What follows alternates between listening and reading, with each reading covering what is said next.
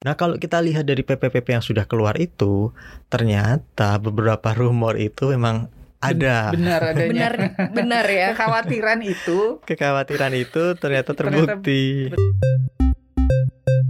Sekarang PKWT-nya itu diperpanjang jadi lima tahun. Jadi perusahaan tuh nggak dituntut untuk mengangkat karyawan Menjadi karyawan tetap. tetap dalam waktu cepat. Tadinya kan berharap bahwa Iya. kalau misalnya gue karyawan tetap, gue financially aman gitu kan. Tapi ternyata nggak juga gitu. Hmm. Jadi harus kita harus berpikir bahwa lu financially meskipun lu bukan karyawan tetap sekalipun, Hmm. lu harus aman. Koneksi. Konten ekonomi seksi. Halo Sobat Cuan, apa kabar? Semoga selalu dalam kondisi baik ya. Hai. Hai, sudah ada suara-suara di sini. Selamat. Senang sekali hari ini saya Maria Katarina bersama dengan dua pria-pria ganteng. Ini benar-benar ganteng loh. Jadi kalau misalnya ada sobat cuan yang penasaran Jangan. untuk ketemu langsung boleh loh silakan Hoax, ada ke studio CNBC Indonesia. Ada Mas Novan, Halo. Head of Digital dan juga ada Mas Argun, Halo. Arif Gunawan, uh, Head of Iya, iya. Researchnya CNBC Gue Indonesia. udah sering manggil Mas Argun, cuma orang-orang juga taunya kemudian jadi Mas Argun padahal Eh? namanya Arif Gunawan. Arif. Gunawan. Kalau misalnya mau dicek di Instagram juga bisa. Ya, At Argun sih ya. ya senang sekali loh hari ini bisa ketemu Sobat Cuan dalam koneksi ya Konten ekonomi Seksi. seksi Apa sih yang seksi hari ini kita mau bahas apa sih soal naik gaji ya? Gaji. Ber- berkaitan dengan gaji. Gaji apa gaji? Gaji.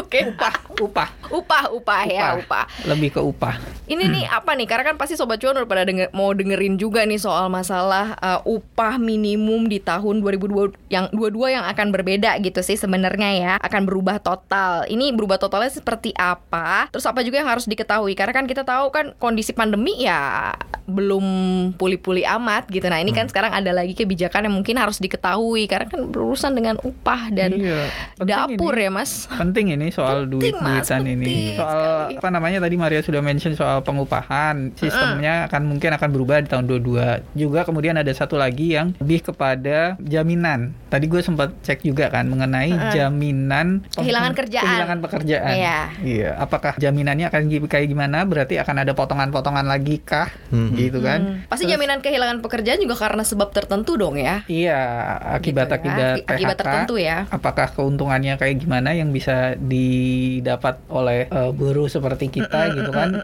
atau pekerja seperti kita gitu. Sebelumnya Mas Argun mungkin bisa jelasin nih. Ini kayaknya juga impact dari turunan dari Undang-Undang Cipta, Cipta Kerja yang iya, benar-benar. di ini Iya. ya. Gimana tuh Mas? Ya ini kita kan dulu sudah sempat bahas ya Undang-Undang Cipta Kerja gitu yang waktu itu lagi rame demo gitu kan demo-demo mahasiswa eh, kemudian kalangan buruh ya intinya waktu itu mereka menolak berbagai klausul dan saat itu kan masih simpang siur klausulnya Mm-mm. ada yang bilang eh, apa namanya Nggak ada UMP.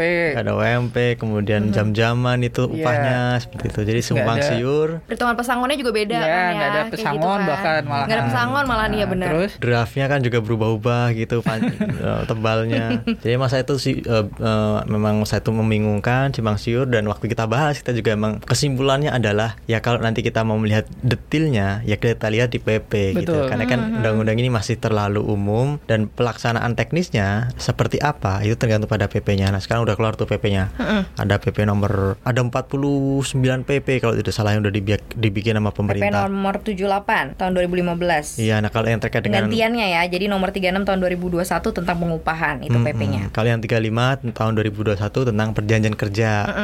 Waktu tertentu, alih daya, waktu kerja dan waktu istirahat, PHK. Ya, ya, ya. Iya, iya. Itu ya itu ada di situ semua. Nah, ini bagian dari PP-PP yang lain yang mengatur ada sertifikasi halal, kemudian ada soal perizinan gitu. Jadi emang uh, turunannya udah banyak, ada 48 kalau tidak salah. Hmm. Nah, ada dua yang paling penting tadi kita sempat singgung 35 sama 36. Nah, kalau kita lihat dari PP-PP yang sudah keluar itu, ternyata beberapa rumor itu memang ada. Benar adanya. Benar benar ya. Kekhawatiran itu Kekhawatiran itu ternyata ternyata terbukti. Benar adanya. Di yang gitu mana ya. nih? Di, di yang mana kekhawatiran yang mana yang benar-benar terbukti? Misalnya soal Contohnya? gaji per jam. Oh. kan sempat bilang, oh nggak ada gaji per jam ini ini. Ternyata ada. gitu. Ada di PP-nya.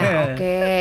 Ya kalau kita lihat itu ketentuan mengenai eh, gaji per jam bisa dilihat di PP 36 2021 pasalnya pasal 14. Jadi memang ada disebutkan bahwa upah berdasarkan satu wak- satuan waktu Hmm. dan seterusnya itu ditetapkan secara A per jam, B harian, C bulanan. Tetapi meski demikian bukan berarti per jam itu juga semena-mena ternyata karena ada standarnya juga. Jadi skema nilai upah per jam itu upah sebulan dibagi 126.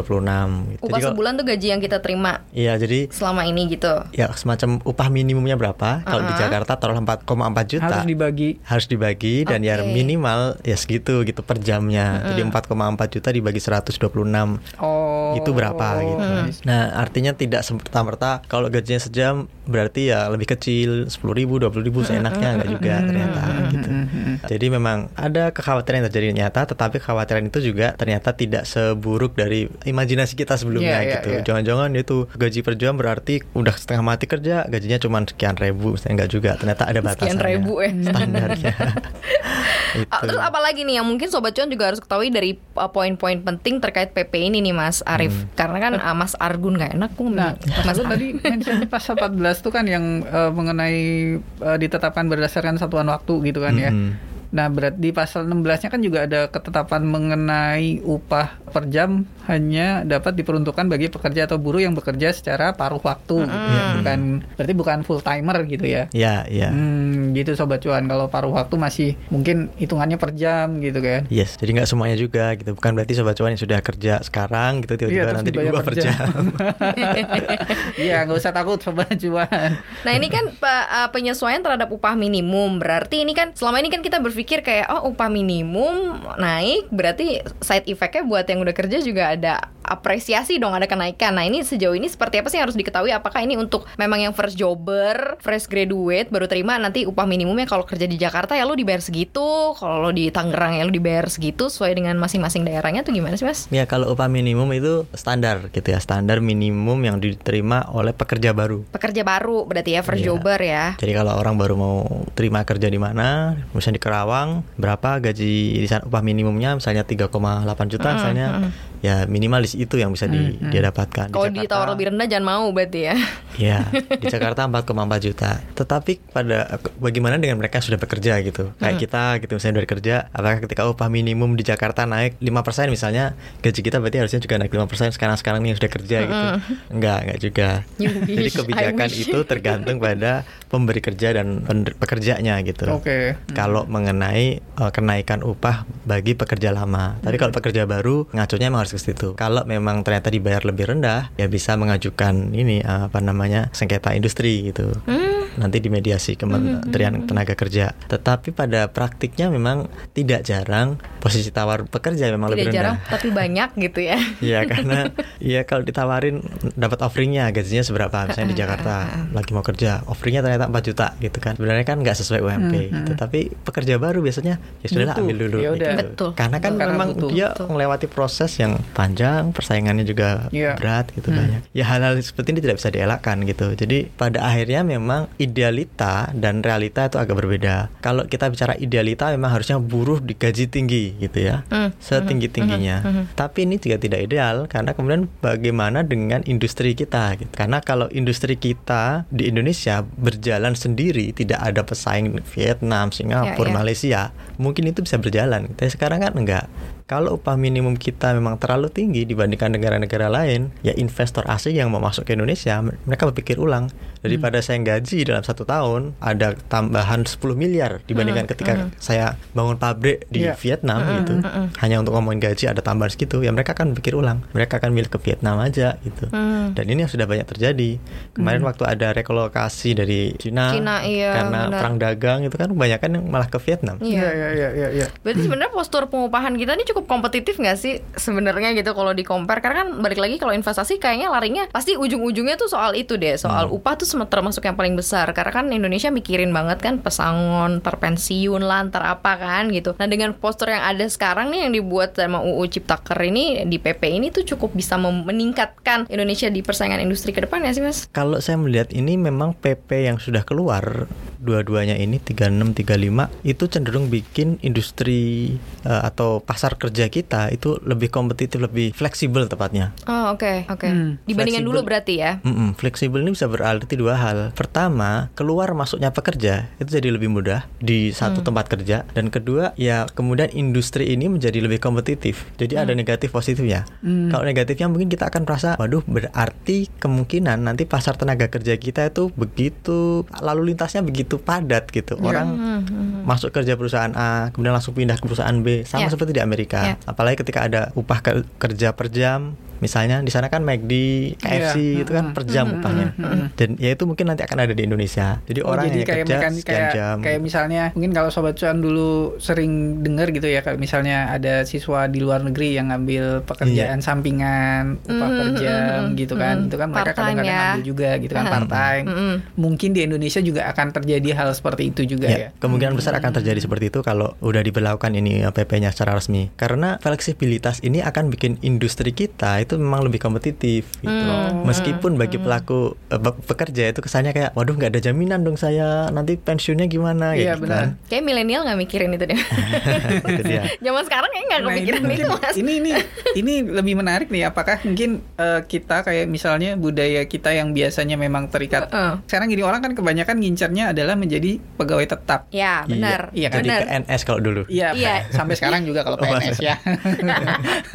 kalau nah, sekarang kan pengennya selalu jadi pegawai tetap, yang diincar pegawai tetap. Ketika Harus gitu ya. ketika mereka Karena aman gitu ya masnya kayaknya ya. karena ketika mereka belum masih kontrak dan perpanjang itu buat mereka sesuatu yang nggak pas nggak pasti gitu kan. Mm-mm. Nah, kayak Mas Argun bilang nanti gue pensiunnya kayak gimana gitu kan. Nah, Mm. sekarang dengan adanya PP ini justru membuka bahwa bisa jadi nanti pekerja-pekerja kita justru ah gue maunya part time. Misalnya siang gue part time di restoran A, malamnya Mm-mm. gue part time di restoran B, tapi Hmm. dengan standar upah Ya, ya, ya, per ya. jam yang sama dengan ini mungkin buat mereka justru itu Bisa dapat lebih Iya, ada- bisa dapat Iya. lebih banyak gitu ya. Mm, mm, mm. Hmm. Nominalnya bisa dapat lebih besar. Makanya kalau di kalau kita jadi pekerja tetap taruhlah di satu perusahaan itu kan paling kerja 8 jam ya, Iya, maksimal 9 8 jam, jam. lah Iya. gitu. Tergantung kebijakannya, tapi minimal 8 jam. Kalau misalnya kita tadi ikut paruh waktu yang Dia ambil dua shift gitu misalnya Dua kan? shift. Dua itu bisa shift. kerja 20 jam di Amerika itu udah biasa, gitu. Biasa, Hmm. ah. Jadi istirahat cuma 4 jam, pagi udah kerja lagi, kemudian kerja lagi selama 20 jam itu bisa. Dan kan kalau nggak salah juga kita bebas ya kalau kita mau hari ini mau libur misalnya Hmm. eh, mau ambil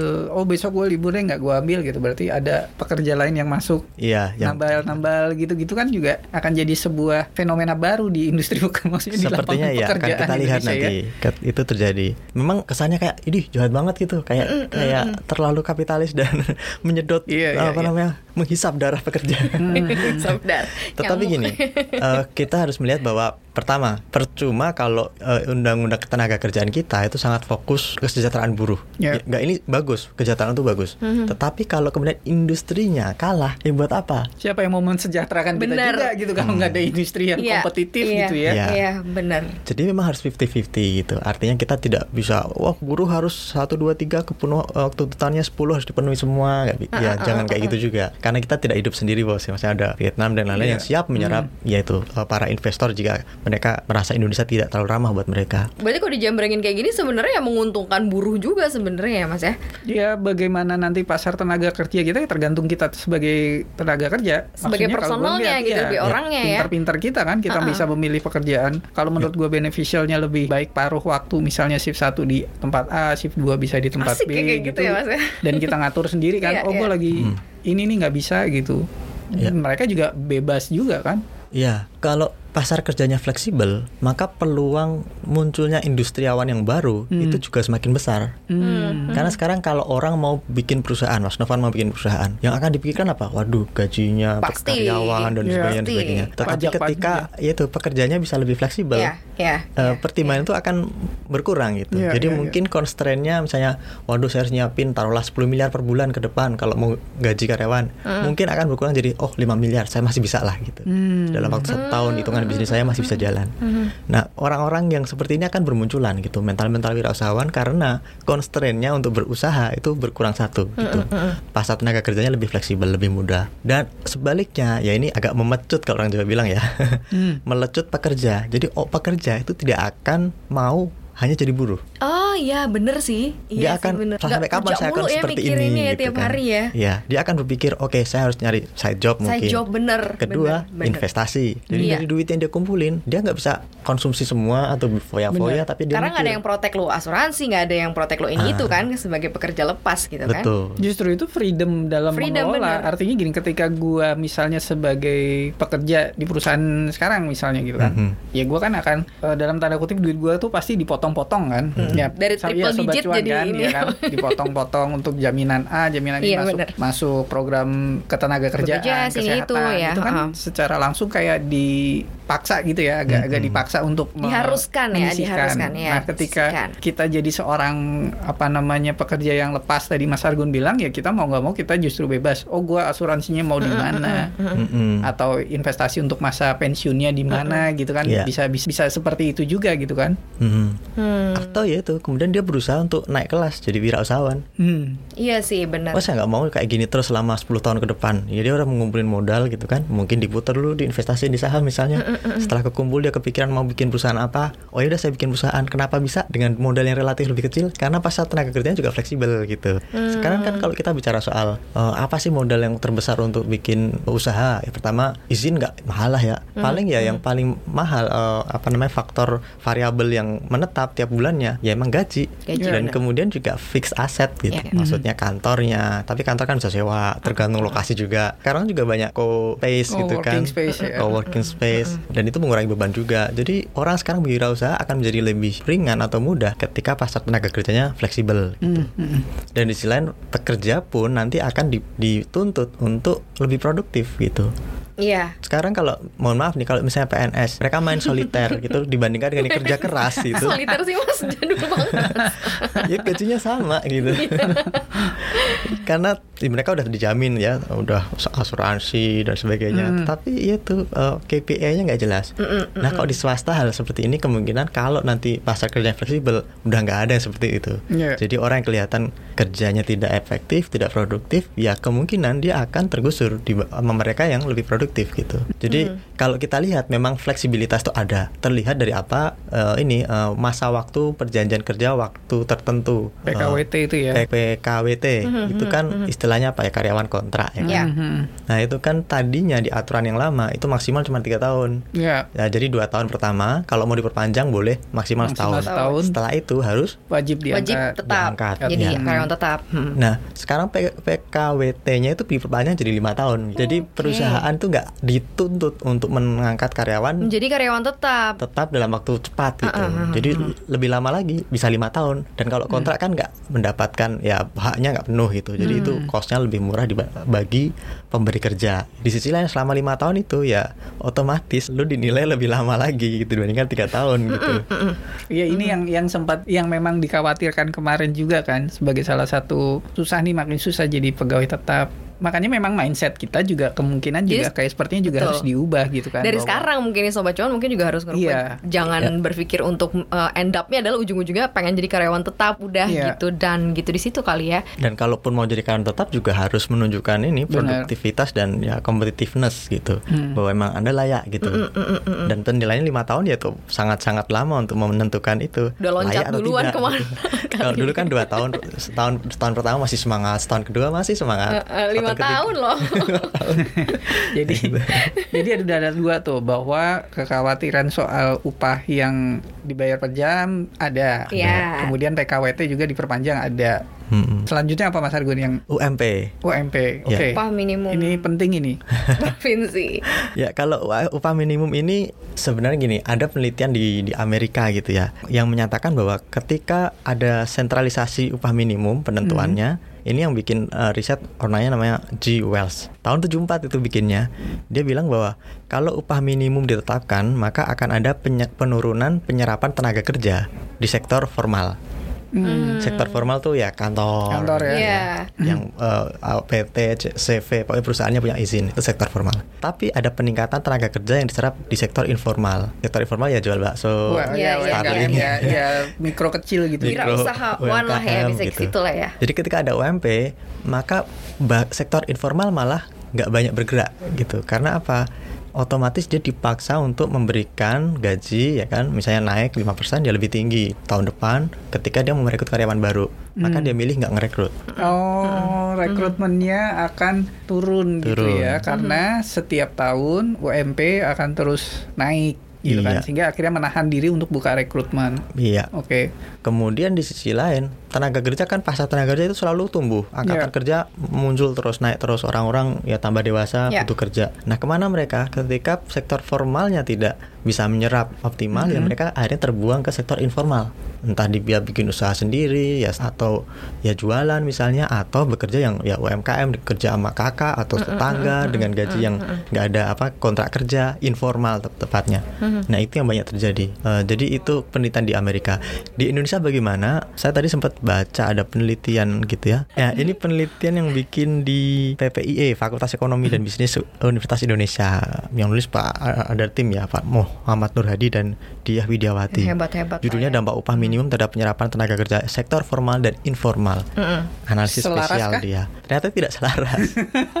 Beda culture budaya juga kali kalau di compare beda ya? di Indonesia Amerika. beda kasusnya. Jadi harusnya kalau di Uh-uh. Amerika gitu ya, ketika UMP naik terus gitu ada ditetapkan maka sektor formalnya tertekan. Hmm, Tapi di ini? Indonesia UMP menurut catatan dia eh, penelitinya ya, dari tahun 2001 sampai 2015 upah minimum provinsi itu naik 124 persen. Hmm. Tetapi persentase tenaga kerja di sektor formal malah meningkat 37,99 persen ya 38 persen lah ya. Hmm. Sementara di sektor informal turun 21,33 persen. Nah, yang ini alasannya kenapa nih?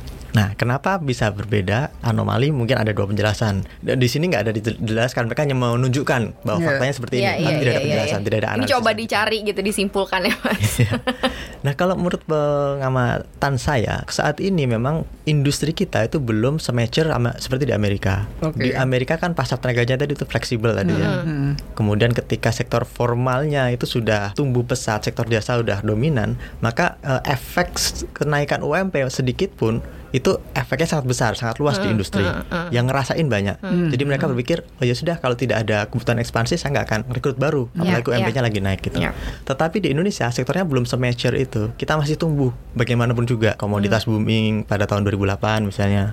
Kemudian sekarang lagi ya orang masih butuh ekspansi di daerah-daerah karena kan di sana pasarnya masih banyak gitu ya yang bisa Artinya digarap. kalau di Indonesia sedang tumbuh, ya seberapapun harga Yes. pasar pekerjanya di situ ya mau nggak mau pasti terserap karena Pasti terserap, pasti memang harus. sedang mau ekspansi gitu ya kayak Mm-mm. kayak orang masa pertumbuhan ya makan apa apa aja dimakan Pasti gitu mau tumbuh. harganya berapa ya karena masih dalam masa Masa pertumbuhan Betul. kan. masih tumbuh. Dan seperti itu, sepertinya itu yang terjadi di Indonesia ini kan mungkin ada blessing in disguise. Kita ini kan pasar terbesar di Asia Tenggara, Iya, berapa iya. 264 juta warga Indonesia gitu. Investor dari berbagai negara itu pingin masuk, tetapi mereka tidak masuk untuk garap atau memproduksi barang yang diekspor. untuk yang barang yang di yang Ya, mereka lokal lebih aja. memilih- Iya. Local consumption berarti. Local consumption. Jadi mereka bikin Oh. pabrik di sini, jualannya ya Untuk orang kita. Hmm. Jadi mereka nggak peduli seberapa mahal pun biaya buruhnya, biaya pekerja, karena nanti akan dikompensasikan ke harga jual yang Yang beli juga ke masyarakat kita-kita juga sendiri. gitu. Iya.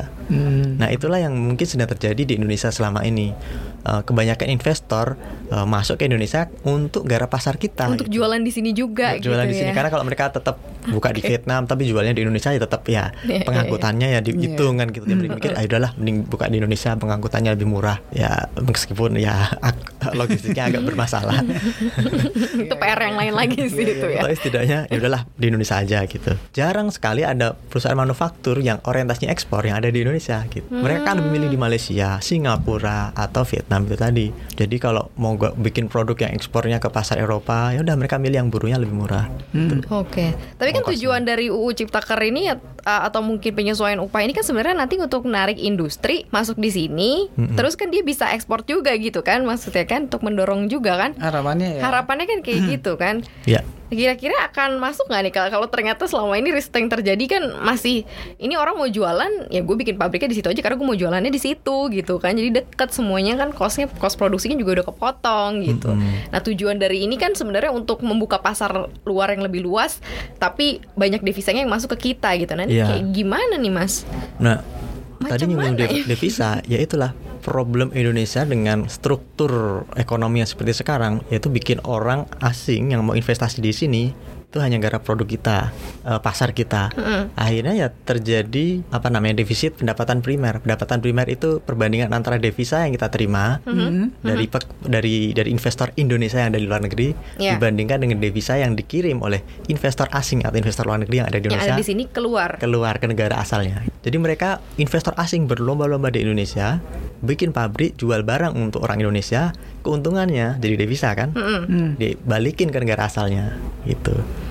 Oh. Oke. Nah ini yang banyak terjadi sehingga pendapatan primer kita defisit. Kalau kita bicara soal neraca dagang, defisit defisit udah itu tidak ada apa-apanya dibandingkan dengan defisit pendapatan primer. Hmm. Pendapatan primernya berapa ya? Eh, miliaran gitu, dolar gitu.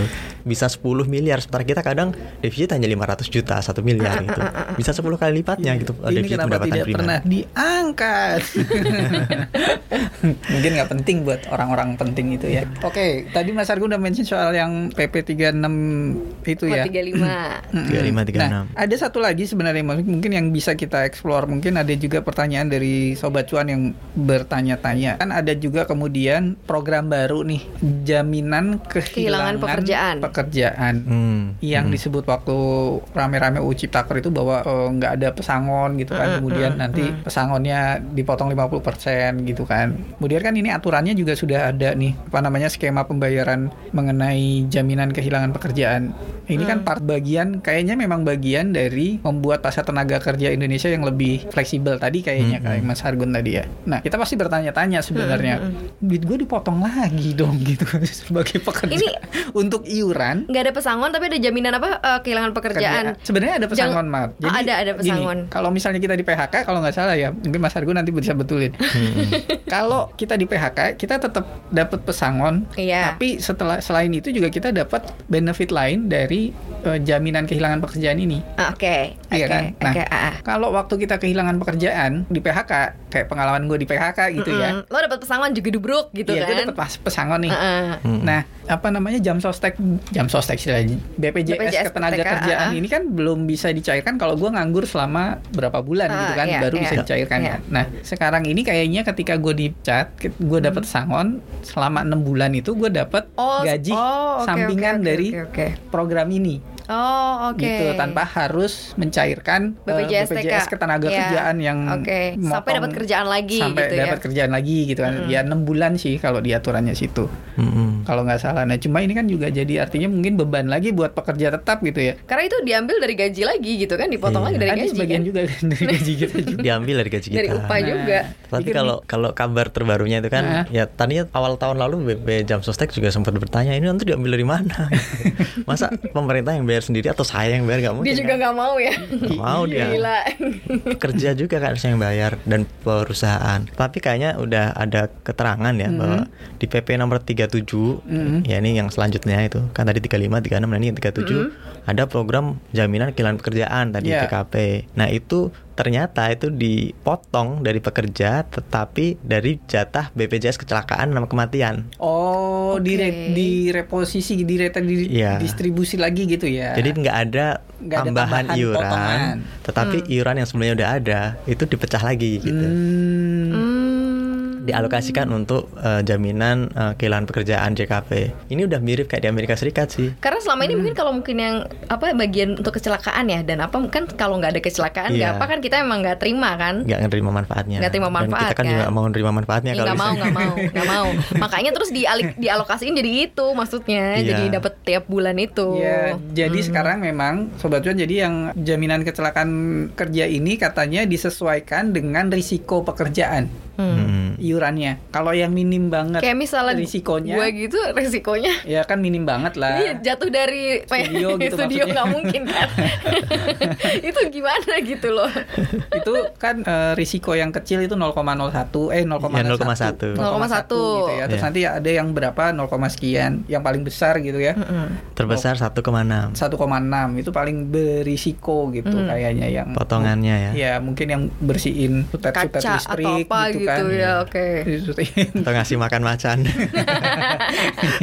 macan. Ya, yang gitu-gitu dah yang Sorry, macan. membahayakan. Nah, jadi iuran yang harusnya untuk jaminan kehilangan kerja ini itu dipecah lagi dari situ. Intinya yang sekarang kita sudah bayar itu nggak akan bertambah. Iya, nggak akan bertambah. nggak ada potongan lagi lah intinya gitu ya dari gaji ya. Dan itu tadi 0,1 1,6 persen itu dari upah. Iya, benar. Hmm. gaji pokok ya. Eh, jadi kalau gaji pokok kita misalnya ya taruhlah 10 juta gitu ya. Berarti ya hitung aja nanti yang disisihkan tiap bulannya segitu. Itu dan nanti dikembangkan oleh BP Jam Sostek. Dan kalau nanti kita ya amit-amit ya naudzubillah kalau ternyata terkena pemutusan beban kerja ya itu bisa dicairkan. Nah itu kan ada berarti Amerika. ada kriterianya sendiri dong kehilangan pekerjaan dengan kriteria tertentu kan. Hmm. Misalnya kan biasanya kan kalau di PHK atau apa kan mungkin pengalamannya Mas Nova nih bisa ceritakan karena mungkin perusahaannya bankrupt gitu kan udah nggak bisa lagi jalan gitu kan. Gimana Misalnya Mas Nawan nih?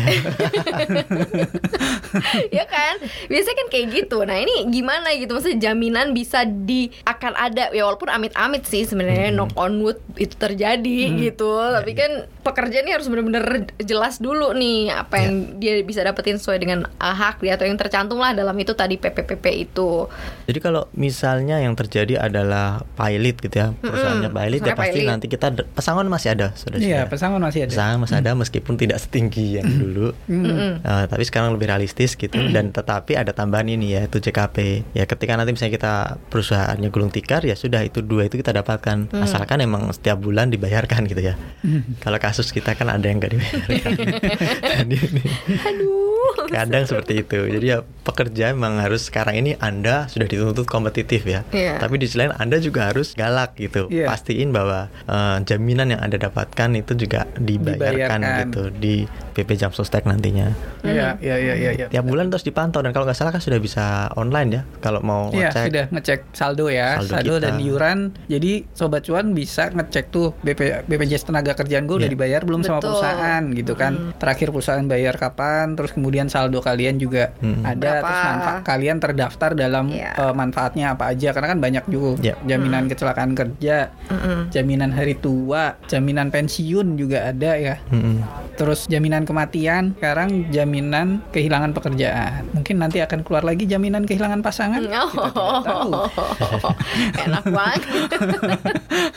Ada uang happy sih kalau putus cinta Oke, ya. tadi Mas Argun sempat mention bahwa ini hampir mirip sama yang ada di Amerika. Hmm. Memang di Amerika kan biasanya ngerilis tiap bulan tuh ada apa namanya? Jobless claim. Pem- Jobless ya, claim. sebenarnya akan sama seperti itukah akan ke depannya? Mhm. Apakah juga berarti di sini juga apakah ada dalam tanda kutip duitnya pemerintah di sini? Kalau di Amerika kan memang duitnya Ada apa? duit negara, duit pemerintah. negara di situ Pemerintah. kan, Pemerintah, duit pemerintah. Jadi di Amerika tuh emang mereka eh, negara ya ada konsep welfare state yang dijalankan di sana. Hmm. Meskipun wel konsepnya tidak sebagus di Eropa. Jadi itu benar-benar kayak subsidi pemerintah buat masyarakat yang kena kena ini PHK. gitu. Hmm.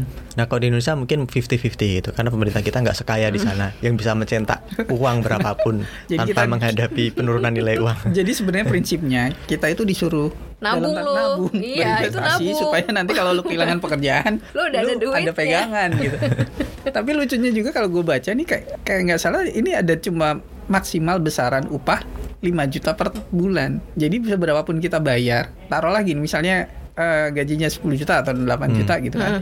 Ternyata itu dipatok maksimal 5 juta. Jadi nanti hitungannya berapa yang kita dapat itu seolah-olah gaji kita ya 5 juta gitu Yang diterima yang manfaatnya. diterima Untuk- manfaatnya. Jadi kan manfaatnya tuh terbagi jadi selama enam bulan. Hmm.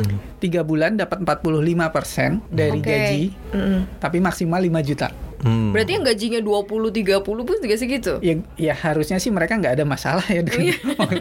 Cuma kan jadi dapatnya dari ya, program ini em, 45% dari 5 juta tiap bulan selama tiga bulan pertama. Tiga bulan kedua dapatnya eh tiga bulan selanjutnya Mm-mm. dapatnya 25% dari 5 juta. Jadi lebih Lebih rendah. kecil. Gitu. Jadi lebih kecil Ya. gitu. Ini emang emang agak masih ini ya. Ya perlu ya perlu ditanyakan. Artinya kalau kita nitipin duit kita kan kalau perusahaan asuransi dia ngembangin gitu. Mm-mm. Iya, benar. Perusahaan-perusahaan apalagi manajer investasi gitu. Mungkin ini karena sistemnya karena PHK dan berharap bahwa mereka kemudian dalam tiga atau enam bulan Bisa dapat kerjaan baru. Harusnya bisa bekerja lagi. Jadi Hmm. bukan yang mungkin ya Bukan pensiunan. bukan pensiunan gitu sehingga akhirnya ya udah lu kasihnya sekian deh Ya, gitu. bukan manfaat pensiun ya. Iya, cuma kan pengeluaran orang memang berbeda-beda gitu ya. Oh iya. Artinya mungkin orang yang besaran gajinya 10 juta tadi ketika mereka kena PHK hidup dari 5 juta 45 persennya 5 juta selama tiga bulan ini mungkin agak sulit sulit juga ya. Hmm, jadi susah. Apalagi kalau uh, liabilitiesnya udah tinggi. Iya pasti ya. Ya, Iya, itu iya. dia. Jadi kalau tiap bulannya tagihannya sudah 60% cuman- sendiri ya udah pusing. Iya, Nah, itu sih. 45% dapatnya. Kalau postur ke- perencanaan keuangan kan utangnya 30%. itu yang sehat Iya, 30% iya. dapatnya 45%. Ya, jadi cuma sisa bersekian 15% berarti untuk hidup loh. Iya, untuk cuman- konsumsi. Ya artinya Ya memang sobat cuan juga harus ini Nah, mantau terus invest time Wih, kan Maria saya. ya. Iya, benar. Agar tahu Harus. pengeluaran keuangan harus Iya, disiplin. iya. gitu. Berarti sebenarnya sobat cuan jangan mengandalkan dari program-program ini. ya. Benar, Artinya benar banget. program-program yang selama ini di ini pemerintah gitu. Gue bukan yang iniin, cuma memang kemungkinan juga kita nggak akan bisa bergantung dari situ. Nggak akan mungkin Kita harus mungkin punya sumber Ya. lain lah. gambarannya mungkin seperti ini. Oh ya udah aman-aman tapi percayalah tidak akan seideal itu sih sebenarnya. Iya. kalau nanti sampai benar-benar kejadian eh, tabungannya dulu deh yang pasti udah udah belum ada 12 kali gaji. Kayak Hmm, gitu-gitu. cukup aman kan kalau 12 kali gaji. Utangnya bener nggak sesuai dengan postur yang sehat? 30% atau ada Nih. 60% tadi kata Mas Argun ya kan? punya program invest time dulu nih. iya kan tapi itu bener loh. Kalau Iya, diimplementasiin tuh bener banget soalnya. Artinya memang kita sebagai pekerja kalau gua rasa ya melihat tadi yang udah Mas Argun mention Mm-mm. Gitu kan. Satu ya mau nggak mau gua sudah harus mulai memikirkan bahwa ya gua harus memperlakapai diri sebagai pekerja karena persaingan Iya. persaingan itu luar biasa juga kan Mhm. di pasar tenaga kerja. Kita harus menunjukkan bahwa kita adalah pekerja yang memang punya value lah Yep. gitu kan. Dari sisi keuangan kita juga ternyata nggak bisa mengandalkan program-program pensiun Hmm, yang ada di hmm, pemerintah pure misalnya ah gue udah nggak perlu lagi kan nanti ada jam so apa ada BPJS Iya, tenaga BPJS kerja gitu kemudian asuransi juga hanya menggantungkan BPJS kesehatan, Kesehatan. gitu kan nah ini yang sebenarnya kita sebagai pekerja udah mulai harus putar otak paling tidak untuk mengamankan kita sendiri. Apalagi nanti ke depan mulai bersaingnya dengan apa namanya pekerja-pekerja yang mau dibayar paruh waktu gitu kan based Mhm. on hour gitu kan. Jadi misalnya orang cuti nanti misalnya gue cuti bisa aja yang gantiin gue tiba-tiba ternyata lebih kredibel gitu ya Mas? Atau dibayarnya juga mau per jam gitu Per kan jam, jadi nggak iya, ngerekrut. bener, bener, jadi bener, emang fleksibelnya luar biasa sih kalau Iya. gue bilang. Oh, jadi bisa menggantikan orang cuti juga ya? Kalau misalnya sampai tenaga ker apa namanya eh, sistem atau iklim kerjanya sefleksibel itu itu. Iya, Bisa ya, kayak bisa. gitu ya, Mas? iya lagi misalnya lagi cuti melahirkan ya daripada ngerekrut Orang apa, baru orang ya. baru ya udah sebutannya mungkin intern atau apa gitu kan dibayar Tiga bulan. tiga bulan Mhm. ya udah dibayar terus udah dilepas jadi nggak ada ikatan selesai So gitu. fleksibel itu. ya. Sefleksibel itu mungkin Tetapi mungkin biasanya untuk pos-pos yang apa ya memang Ya. tidak tetap gitu. yang Hmm, memang bisa digantikan dengan tenaga kerja tenaga kerja seperti itu gitu Jadi kalau sobat cuan punya keahlian khusus di perusahaan Hmm. itu misalnya eh, dan itu memang sifatnya tetap tidak bisa digantikan ya jangan khawatir gitu. Artinya pasti nanti karyawan tetap masih ada gitu. Mm-mm. Oh, oke, oke. bukan berarti nanti semua pekerja Semuanya di bakal Indonesia gitu. bakal jadi karyawan kontrak enggak. Pasti tetap ada gitu. Kalau gue sih berpikirnya gini ya, buat eh, sobat cuan dan gue juga jadi punya perspektif bahwa jangan mengandalkan eh, status karyawan tetap atau atau tidak gitu kan. Yang yang perlu kita pertimbangkan adalah daripada pusing mikirin gue belum karyawan tetap nih, lebih baik kita pusing mikirin gimana caranya Upgrade diri kehidupan gitu kita ya. aman. Ya, aman, Artinya benar. dalam artinya secara financially kan Financial. aman. Tadinya kan berharap bahwa Ya. kalau misalnya gue karyawan tetap, gue financially aman gitu kan. Tapi ternyata nggak juga gitu. Hmm. Jadi harus kita harus berpikir bahwa lu financially meskipun lu bukan karyawan tetap sekalipun, Hmm. Lu harus aman dan kita nggak bisa gantungin itu ke orang lain gitu. Harus kitanya juga yang ngatur-ngatur duit-duitnya itu tadi gitu kan. Tapi itulah ya udah baik perbaikiannya dulu postur keuangannya lah, Mas. Itu tadi. intinya kita sebagai pekerja kan ternyata nggak nggak bisa mengandalkan program banget nggak Gitu bisa kan. nggak bisa banget dan mengandalkan status sebagai karyawan sebagai tetap karyawan karena kalaupun Iya, dipecat ya karyawan. udah di PHK PHK aja gitu. Ternyata juga pesangonnya dalam tanda kutip cuma segitu iya gitu kan. udah eh tapi kalau pesangon ada ada ada perubahan nggak sih sebenarnya di Oh, undang-undang ini ada, Ada. ya Ya, jadi lebih di- kecil ya mas Lebih kecil ya? dibandingin- Ya lebih kecil, lebih kecil.